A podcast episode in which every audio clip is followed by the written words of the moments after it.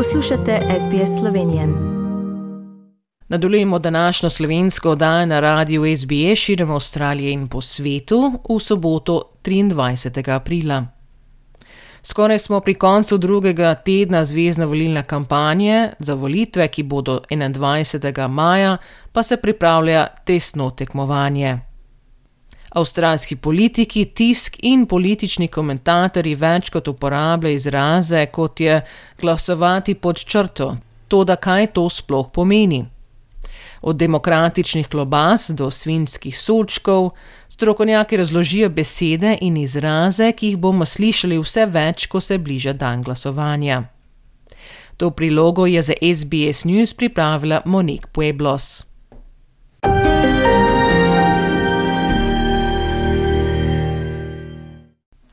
Od izrazov donkey vote, incumbency in pork barreling obstaja več stavkov, ki se pogosteje uporabljajo vsakič, ko prihajajo volitve, a kaj pomenijo in odkot prihajajo.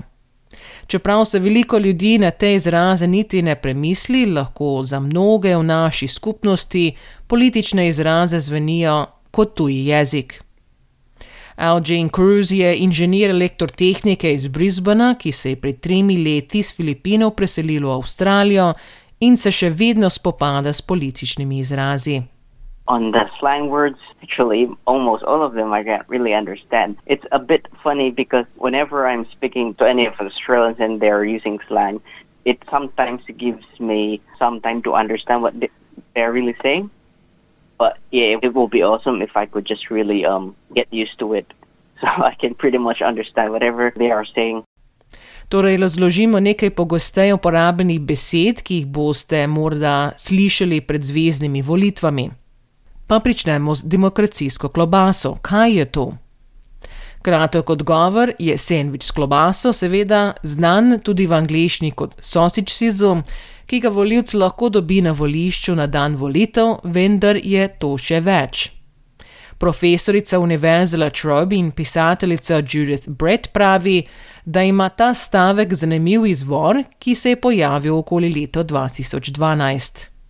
A group of young people on social media used the term democracy sausage to talk about where it was possible to buy a sausage for breakfast when you were having a vote, and the term took off. In če pogledamo izraz v angleščini donkey vote v nasprotju s splošnim prepričanjem, da gre za neformalno glasovanje, je pravzaprav še vedno uradni način glasovanja. Donkey vote is a valid vote, but we think of donkeys as dumb creatures. So the idea is that someone going into a polling station, going into the booth, and thinking, I don't know what's going on in politics, I have no interest, I'll just do the simplest and fastest thing and get out of here. To je bil politični komentator in nadomestni profesor univerze Griffith Paul Williams.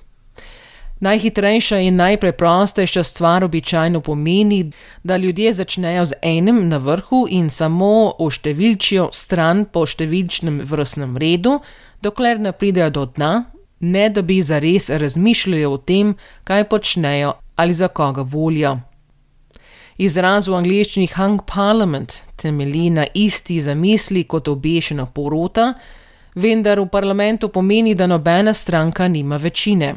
Zato nobena stranka ne more sama sestaviti vlade, ki bi lahko sama nadzorovala parlament. Namesto tega se mora zanašati na podporo drugih strank in neodvisnih kandidatov. Kaj pa beseda incumbent? To besedo slišimo v času volitev in to le pomeni nekdo, ki je trenutno na tem delovnem mestu. Dr. Williams pravi, da je ideja v politiki, da tisti, ki je trenutno na položaju, ima prednost, ker že upravlja delo, naprimer liberalno nacionalna koalicija v zvezdni vladi. Direktorica Avstralskega nacionalnega slovarskega centra Amanda Lagosen pravi, da jezik, ki se uporablja v okolici politike in v času volitev, prihaja iz različnih krajev in je pogosto pod vplivom dogajanja v našem delu sveta. On the one hand, we sort of have things that are particular to our voting system. So we have things like above the line and below the line, which are uniquely Australian expressions for our uniquely Australian um, electoral system. And then we also have, of course, things that affect our particular um, political context at any given time. So, obviously, this election, we might have things to do with the, the impact of COVID, the ongoing consequences of that, including the economic consequences, things around security, things around border management, all of those kinds of particular issues that affect Australia. In če se sprašujete, kaj pomenite above and below the line, vam je na avstralskih volitvah dana možnost glasovanja nad ali pod črto na glasovnici za zgornji dom. Glasovanje nad črto pomeni, da morate oštevilčiti vsaj šest pol, vaše preference bodo najprej razdeljene na kandidate v stranki ali skupini po vaši prvi izbiri, na to na kandidate v stranki ali skupini po vaši drugi izbiri in tako naprej. Glasovanje pod črto pomeni, da morate oštevilčiti vsaj 12 pol, tako da natančno veste, za koga volite. Zdaj pa poglejmo zanimiv izraz pork barreling. V slovanju Macquarie je opredeljen kot zagotavljanje neprimernega deleža državnega denarja v zameno za politično podporo. Izraz prihaja iz Združenih držav Amerike, kjer so bili sodi svininjo v 19. stoletju osnovna hrana za razmeroma premožne. Skratka, to je obljuba, ki jo ponuja politiki, če jih podprete, bodo podprli vas. Algen Cruz pravi, da so politični izrazi lahko dobri za ljudi, ki so odraščali v Avstraliji, saj so se imeli čas navaditi a za novejše migrante, kot je on, pravi, da če se želiš učiti te stavku, so še vedno ovire za razumevanje avstralske politike. If you're going to tell me that would it benefit the Australian politics, I'd say no, because most of the uh, Australians compose Australia is composed of uh, different migrants from different countries.